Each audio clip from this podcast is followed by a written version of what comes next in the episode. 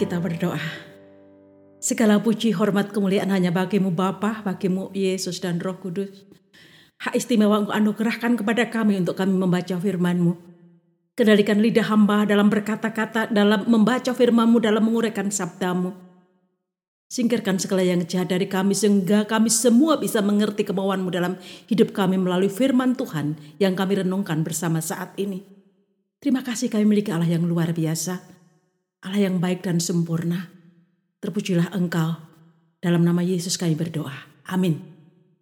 Firman Tuhan saat ini kita akan baca dari Matius 22 ayat 15 sampai 22. Matius 22 ayat 15 22. Matius 22 15 saya bacakan dari TP2. Alkitab LAI TP2. Matius 22, 15, kemudian pergilah orang-orang Parisi dan membuat rencana bagaimana mereka dapat menjerat Yesus dengan suatu pertanyaan. Mereka, orang-orang Farisi, sebelumnya marah terhadap pengajaran Tuhan Yesus. Dan sekarang berusaha bagaimana bisa menjerat Yesus dengan pertanyaan. Ya, sebelumnya mereka ini sudah pernah berusaha mau membunuh Tuhan Yesus dalam Matius 12 ayat 14. Matius 12 ayat 14, lalu keluarlah orang-orang Farisi itu dan bersekongkol untuk membunuh dia. Mereka ini mengerti pengajaran yang benar. Mereka mengajar kebenaran, tapi berusaha membunuh orang juga yang sedang mengajar. Aneh memang. Dalam Lukas 11 ayat 53, setelah Yesus berangkat dari tempat itu, ahli-ahli Taurat dan orang-orang Parsi terus-menerus mengintai dan membanjirinya dengan berbagai pertanyaan. Mereka berusaha ayat 54, mereka berusaha menjebaknya supaya mereka dapat menangkapnya berdasarkan sesuatu yang diucapkannya. Ya, Tuhan Yesus, Sang Kebenaran, berusaha dijebak dia juga sang hikmat. Sehingga kita bisa mendapat pengajaran yang luar biasa melalui pengajarannya, melalui jawabannya terhadap orang-orang yang berusaha menjebaknya ini. Kita lihat usaha orang-orang Farisi ayat 16. Mereka menyuruh murid-murid mereka bersama-sama para pendukung Herodes bertanya kepadanya, Guru kami tahu engkau seorang yang jujur dan dengan jujur mengajar jalan Allah. Dan engkau tidak takut kepada siapa pun juga sebab engkau tidak mencari muka. Mereka menyuruh murid-murid, artinya mereka punya murid. Satu pengajaran bertahan kalau kita punya murid dan murid-murid itu memuridkan dan memuridkan lagi. Sayang kalau pengajaran itu error atau sesat. Nah untuk membuat pengajaran yang error itu tidak ada lagi di bumi ini, saudara yang sudah belajar kebenaran berkewajiban mengajar kebenaran kepada orang lain. Supaya pengajaran yang sesat bisa berhenti. Kalau kita benci terhadap pengajaran sesat, kita buktikan dengan kita mengajar kebenaran. Sehingga pengajaran yang salah tidak akan terus berlanjut. Ya kita diperintahkan Tuhan memuridkan sekalian bangsa supaya sekalian bangsa hidup dalam kebenaran Allah.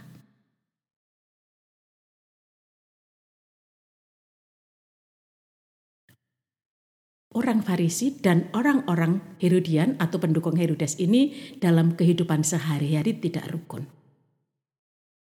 Tapi saat melihat, mendengarkan, menghadapi pengajaran Tuhan Yesus, mereka bersekongkol ini bukan kali pertama mereka bersekongkol.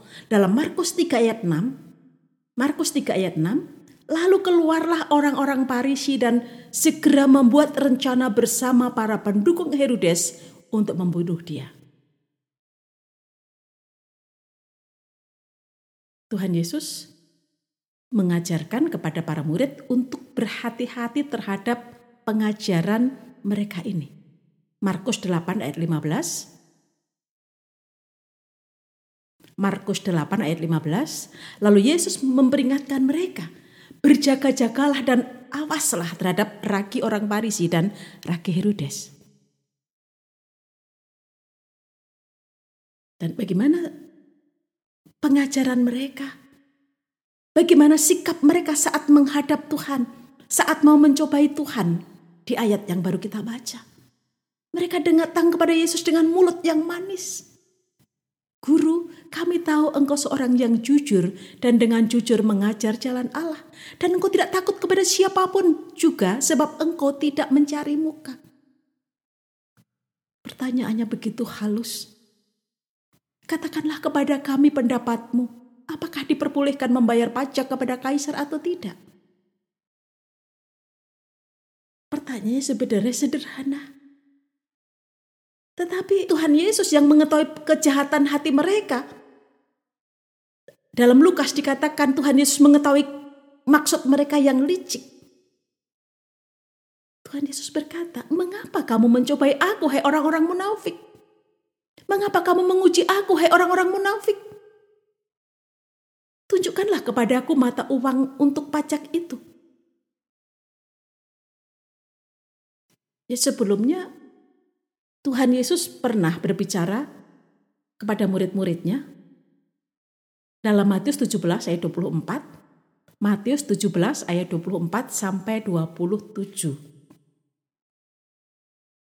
Matius 17 ayat 24 ketika Yesus dan murid-muridnya tiba di Kapernaum datanglah pemungut pajak bait Allah kepada Petrus. Pemungut pajak bait Allah itu kan di Yerusalem bait Allahnya. Sedangkan ini di Kapernaum di wilayah utara, cukup jauh tempatnya. Tapi ini datang ke Kapernaum dan berkata kepada Petrus, apakah gurumu tidak membayar pajak sebesar dua dirham itu? Jawabnya jawab Petrus, memang membayar. Ketika Petrus masuk rumah, Yesus mendahulinya dengan pertanyaan, apakah pendapatmu Simon, dari siapakah raja-raja dunia ini memungut biaya atau pajak? Dari rakyatnya atau dari orang asing? Jawab Petrus dari orang asing. Lalu kata Yesus kepadanya, jadi bebaslah rakyatnya. Tetapi supaya jangan kita membuat mereka gusar, pergilah memancing ke danau, tangkaplah ikan pertama yang kau pancing dan bukalah mulutnya, maka engkau akan menemukan mata uang dan hiram di dalamnya. Ambillah itu, bayarkanlah kepada mereka, bagiku dan bagimu juga. Ya Tuhan Yesus mengendaki kita membayar kepada orang supaya orang itu tidak gusar. Sebelumnya sudah membayar dan sekarang bayar lagi. Kalau nanti dibutuhkan segera bayar. Kenapa harus memancing dan ada itu kan menolong Tuhan dalam kemahatahunya ada ikan itu yang menelan uang dirham. Kasihan juga ikannya ya. Tuhan menyerintahkan mancing. Itu ada uang di mulutnya. Ambil empat dirham. Jadi Tuhan nggak nyuri ya, karena itu mungkin uang orang yang jatuh saat berlayar atau ada yang membuang uang ke situ dan dimakan oleh ikan ini. Ambil uang itu. Tuhan tidak menciptakan uang baru. Jadi kalau sekarang ada mujizat tidak punya uang tiba-tiba ada uang di meja kita, Tuhan nggak membuat seri baru. Ada uang yang terbakar, Tuhan bisa memperbarui. Belum sampai ke BI, BI belum tahu. Uang terbakar, uang hanyut, macam-macam. Dan serinya tidak ada yang baru. Seri lama yang terbakar. Seri lama yang mungkin jatuh ke laut. Dan ini jatuh ke mulut ikan diambil untuk membayar pajak. Yang jelas tidak mencuri. Tuhan mau kita membayar pajak. Dan di sini dalam menghadapi pertanyaan murid-murid orang Farisi dan juga pendukung Herodes. Herodes itu raja di Israel di Galilea. Herodes Antipas, anak Herodes Agung. Sementara kaisar ada di Roma. Tetapi tentunya Herodes digaji oleh pemerintah Roma. Sedangkan orang Farisi itu orang-orang Israel yang pas di anti penjajah. Dan Yesus bertanya kepada mereka, kelompok orang yang sebenarnya tidak punya tujuan hidup yang sama ini. Tidak punya politik yang sama. Tapi bersekongkol menjeratnya. Yesus bertanya, gambar dan tulisan siapakah ini? Jawab mereka, gambar dan tulisan kaisar. Lalu kata Yesus kepada mereka, berikanlah kepada kaisar apa yang wajib kamu berikan kepada kaisar. Dan kepada Allah apa yang wajib kamu berikan kepada Allah. Saudara, apa yang dikatakan Tuhan ini seirama dengan apa yang ada dalam Amsal 24 ayat 21. Hai anakku, takutlah Tuhan dan Raja. Jangan melawan terhadap kedua-duanya. Dan seorang murid Yesus yang bernama Petrus di kemudian hari menulis 1 Petrus 2 ayat 13 sampai 17 tunduklah karena Tuhan kepada semua lembaga manusia, baik kepada kaisar sebagai pemegang kekuasaan yang tertinggi maupun kepada gubernur-gubernur yang diutusnya untuk menghukum orang-orang yang berbuat jahat dan memuji orang-orang yang berbuat baik. Sebab inilah kehendak Allah yaitu supaya dengan berbuat baik kamu membungkamkan kepicikan orang-orang yang bodoh Hiduplah sebagai orang merdeka dan jangan menyalahgunakan kemerdekaan itu untuk menyelubungi kejahatan-kejahatan, melainkan hiduplah sebagai hamba Allah. Hormatilah semua orang, kasihlah saudara-saudaramu, takutlah akan Allah, hormatilah kaisar. Tunduklah karena Tuhan. Bukan karena yang lain. Berikan kepada kaisar apa yang menjadi haknya kaisar.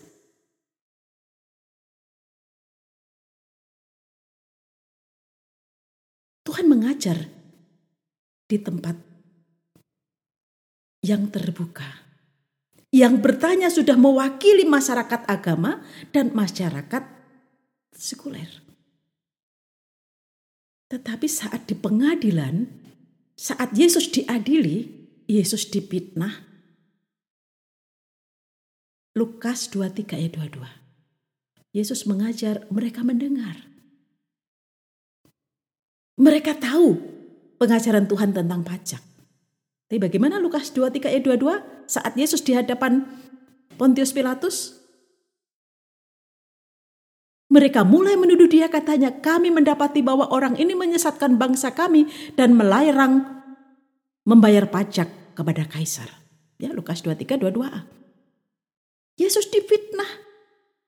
Dan seharusnya banyak yang membela karena banyak yang mendengar pengajaran Tuhan. Tuhan gak pernah melarang orang membayar pajak kepada kaisar. Ya Tuhan difitnah. Tapi pengajaran yang benar tetap harus diajarkan. Seorang murid Tuhan Yesus, Paulus menuliskan. Roma 13 ayat 7. Bayarlah kepada semua orang apa yang wajib kamu bayar.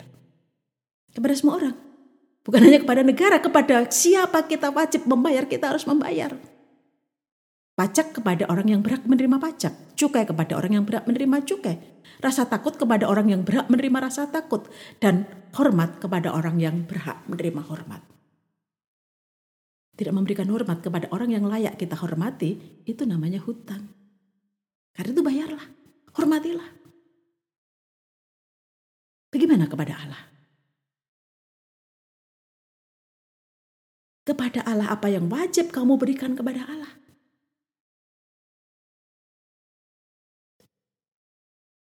Dalam Matius 22 ayat 37 saat orang bertanya tentang hukum yang terutama Yesus menjawab Lukas 22 ayat 37 jawab Yesus kepadanya kasihlah Tuhan Allahmu dengan segenap hatimu dan dengan segenap jiwamu dan dengan segenap akal budimu. Itu haknya Allah. Apa yang menjadi Allah dalam dirimu, dalam diriku, Mulut saya adalah haknya Allah karena Tuhan yang buat. Hatiku adalah hak Allah. Bukan hanya karena Tuhan yang membuat, tapi saya sudah mengundang Yesus ke dalam hatiku. Sehingga dia layak memiliki hatiku sepenuhnya karena dia rajaku. Segenap hati mengasihi Tuhan. Segenap jiwa. Dan segenap akal budi. Akal budi kita gunakan. Selagi kita hidup kita punya akal budi kita gunakan, kita kembalikan kepada yang memilikinya dalam kekudusan. Karena akal budi kita sudah dikuduskan oleh darah Yesus. Bagaimana penerapan kita mengasihi Allah dengan segenap hati jiwa dan kekuatan saat kita harus memberitakan kebenaran dan menghadapi masalah. Petrus menyembuhkan, membuat orang lumpuh dalam nama Yesus bisa berjalan. Dia harus menghadapi sidang di mahkamah agama. Mahkamah agama itu mahkamah yang mengadili berdasarkan hukum agama. Dan apa kata Petrus di tengah-tengah sidang itu dalam kisah 4.19? Kisah para Rasul 4 ayat 19. Tapi Petrus dan Yohanes menjawab mereka, silahkan kamu putuskan sendiri manakah yang benar di hadapan Allah. Taat kepadamu, taat kepada kamu, atau taat kepada Allah. Luar biasa. Mereka yang duduk sebagai hakim, sebagai penegak hukum agama, tentunya wajib taat kepada Allah. Dan Petrus berkata yang benar. Silahkan kamu putuskan sendiri. Manakah yang benar di hadapan Allah? Taat kepada kamu atau taat kepada Allah?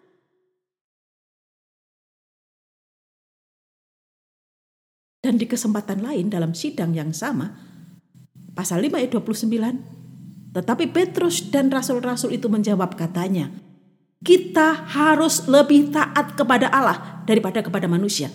Jadi Petrus harusnya diajari di situ. Kamu harus lebih taat kepada Allah. Tapi Petrus menjadi pengajar di mahkamah agama dalam sidang. Kita harus lebih taat kepada Allah daripada kepada manusia. Kenapa? Karena Petrus sudah mempersembahkan yang haknya Allah kembali kepada Allah. Haknya Allah adalah untuk ditaati. Allah berhak menerima ketaatan kita, penghormatan kita, yang lebih kepada siapa pun juga itu haknya Allah. Kita melihat contoh dalam perjanjian lama. Orang-orang Yahudi, orang-orang Yehuda, keturunan bangsawan yang kemudian mendapat jabatan istimewa di wilayah Babil. Tapi kemudian hari punya masalah. Saat para pemimpin, para pejabat berkumpul, mereka diwajibkan menyembah patung Nebukadnezar. Bukan menyembah Nebukadnezar, menyembah patungnya. Tiga orang itu, Sadrah, Meshach, dan Abednego berkeputusan tidak akan menyembah pimpinan yang menghina Tuhannya.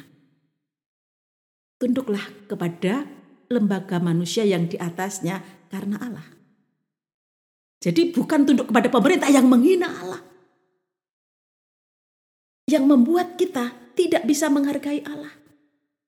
Ya kalau pemerintahnya menghina Allah kita tetap tunduk. Seperti kaisar-kaisar di Roma tidak tunduk kepada Allah tapi Paulus tetap menuliskan bayarlah pajak. Meskipun kaisarnya menyembah dewa.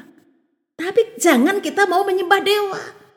Jadi yang tidak ditaati adalah ajakannya untuk menyembah dewa.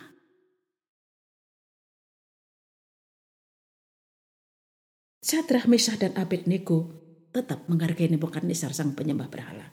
Tetapi tidak mau ikut-ikutan menyembah berhala. Karena itu kita perhatikan apa yang dikatakan oleh ketiga orang ini dalam Daniel pasal yang ketiga ayat 16. Sadrah, Mesah, dan Abednego menjawab Raja Nebukadnezar, tidak ada gunanya kami memberi jawab kepada Tuanku dalam hal ini. Jika Allah kami yang kami puja sanggup melepaskan kami, ia akan melepaskan kami dari perapian yang menyala-nyala itu dan dari dalam tanganmu ya Raja. Tetapi seandainya tidak, hendaklah Tuanku mengetahui, ya Raja bahwa kami tidak akan memuja tewa Tuanku dan tidak akan menyembah patung emas yang Tuanku dirikan itu. Mereka tetap menganggap dasar tuannya. Mereka tunduk kepada Nebukadnezar tapi tidak dalam hal menyembah patung. Meluaplah kegeraman Nebukadnezar terhadap Sadrah, Meshach dan Abednego dan air mukanya berubah lalu diperintahkannya supaya perapian itu dibuat tujuh kali lebih panas daripada yang biasa. Tidak takut api yang panas, lebih takut Allah. Kenapa? Karena Allah yang punya hak terhadap tubuh, jiwa, dan roh kita. Bukan manusia yang di bumi, siapa pun juga orang itu. Berapa puluh tahun kemudian, peristiwa yang mirip dialami oleh Daniel. Dalam Daniel pasal yang ke-6. Daniel umurnya sudah cukup tua di atas 80 tahun. Pemerintahan juga sudah berganti. Nebukadnezar sudah tiada. Evil Marudah anaknya sudah nggak ada. Cucunya Belsasar juga sudah dibunuh oleh raja-raja Media dan Persia. Dan sekarang yang ada di Babel adalah Darius orang Media. Bujukan para pegawai kerajaan membuat surat keputusan, kita baca ayat yang ke-8 pasal 6. Semua pejabat tinggi kerajaan ini, semua penguasa dan kepala daerah, para menteri dan bupati bermufakat supaya dikeluarkan suatu ketetapan raja dan diberlakukan suatu larangan bahwa siapa pun dalam 30 hari menyampaikan permohonan kepada salah satu ilah atau manusia kecuali kepada Tuanku ya Raja, ia akan dilemparkan ke dalam gua singa. Jadi selama sebulan tidak boleh orang berdoa menurut kepercayaannya. Harus hanya berdoa memohon kepada Raja Darius saja. Ini bukan Darius yang berkeinginan, tapi para pegawainya. Oleh sebab itu ya Raja keluarkanlah larangan itu dan buatlah suat, surat perintah yang tidak dapat diubah menurut undang-undang orang Media dan Persia yang tidak dicabut kembali. Sebab itu Raja Darius membuat surat perintah larangan itu. Bagaimana dengan Daniel? Ayat 11, mendengar surat perintah itu telah dibuat, Daniel mungkin ada di situ saat surat dibuat. Tapi ini mendengar, bisa jadi juga di tempat lain. Karena Daniel tidak diikut sertakan dalam rapat meskipun dia petinggi kerajaan. Daniel pulang ke rumahnya. Jadi mendengar surat perintah itu telah dibuat, Daniel pulang ke rumahnya. Di kamar atasnya ada tingkap-tingkap yang terbuka ke arah Yerusalem. Tiga kali sehari ia berlutut, berdoa, serta memuji Allahnya seperti yang biasa dilakukannya. Dia menghadap ke arah Yerusalem. Meskipun saat itu bait Allah sudah tidak ada lagi. Tapi dia tetap menganggap Yerusalem adalah kota suci. Sehingga itu dia menghadap ke sana. Orang-orang itu pun bergegas masuk dan mendapati Daniel sedang berdoa dan memohon kepada Allahnya. Ini luar biasa ya. Bagaimana orang mengawasi pejabat tinggi, ya sama-sama pejabat tinggi, tapi Daniel lebih tinggi dari mereka. Kalau saudara baca dalam konteks pasal 6 seluruhnya. Mereka memang membuat merekayasa supaya undang-undang ditandatangani raja dan hanya untuk menjebak Daniel. Ayat 13, mereka menghadap raja dan menanyakan kepadanya tentang larangan raja. Dan dampaknya Daniel dilemparkan ke gua singa. Tentunya raja sangat berat hati karena raja tahu pekerjaan Daniel. Meskipun Daniel sudah di atas 80 tahun, tetapi enak sekali dia bekerja dengan dia. Pejabat tinggi yang sangat menghormati raja.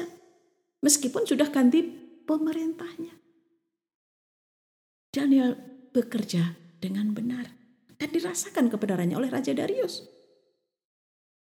Karena itu saat Daniel sudah dilemparkan ke gua singa, Ayat 19, Raja kemudian pulang ke istana dan berpuasa semalaman. Ia tidak menyuruh datang penghibur-penghibur dan ia pun tidak dapat tidur.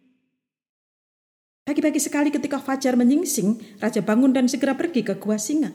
Ketika sampai ke dekat gua itu, berserulah ia kepada Daniel dengan suara pilu. Katanya kepada Daniel, Daniel, hamba Allah yang hidup. Allahmu yang kau sembah dengan setia, sanggupkah ia melepaskan engkau dari singa-singa itu? Segera raja ini mendengar jawaban. Segera dia mendengar suara Daniel. Artinya Daniel hidup. Kata Daniel kepada raja, iya raja kekal hidupmu. Allahku telah mengutus malaikatnya untuk mengatupkan mulut singa-singa itu sehingga mereka tidak melukai aku. Karena ternyata aku tidak bersalah di hadapannya juga terhadap Tuanku ya Raja aku tidak melakukan kejahatan. Jadi tidak melakukan kejahatan kepadamu ya Raja Meskipun peraturanmu yang kau tanda tangani sekarang aneh, tapi saya tetap menghormatimu. Tidak mengikuti peraturannya karena menghormati Allah. Aku menghormatimu karena Allah. Yang menentang Allah tentunya nggak dikerjakan. Dan raja sangat bersuka cita dan ia memberi perintah supaya Daniel ditarik dari dalam gua. Daniel pun ditarik dari dalam gua dan tidak ada luka apa pun padanya karena ia percaya kepada Allah. Kita kembali ke nas bacaan kita Matius 22. Sekarang ayat yang terakhir ayat 22. Yesus menjawab mereka sebelumnya Berikanlah kepada kaisar apa yang wajib kamu berikan kepada kaisar dan kepada Allah apa yang wajib kamu berikan kepada Allah. Mereka nggak bisa menjebak Yesus. Mendengar itu heranlah mereka dan meninggalkan Yesus lalu pergi. Mereka tidak lagi memuji. Dalam Lukas 20, 26, dikatakan mereka tidak dapat menjerat dia dalam perkataannya di depan orang banyak. Artinya sudah di depan orang banyak bicaranya. Mereka heran akan jawabnya dan terdiam. Bukan memuji lagi, padahal semula akan memuji. Setelah jawabannya mengagumkan bukan memuji lagi karena pujiannya palsu. Mereka terdiam, mereka pergi. Saudara kita bersyukur. Karena Allah yang menjadi manusia itu, Yesus Kristus hikmat yang sejati mau tinggal dalam hidup kita. Dan bersamanya kita bisa tunduk kepada semua aturan yang ada karena dia. Karena Yesus. Dan bisa mengasihi Yesus dengan segenap hati, dengan segenap jiwa, dan dengan segenap akal budi kita. Terpujilah Yesus. Amin.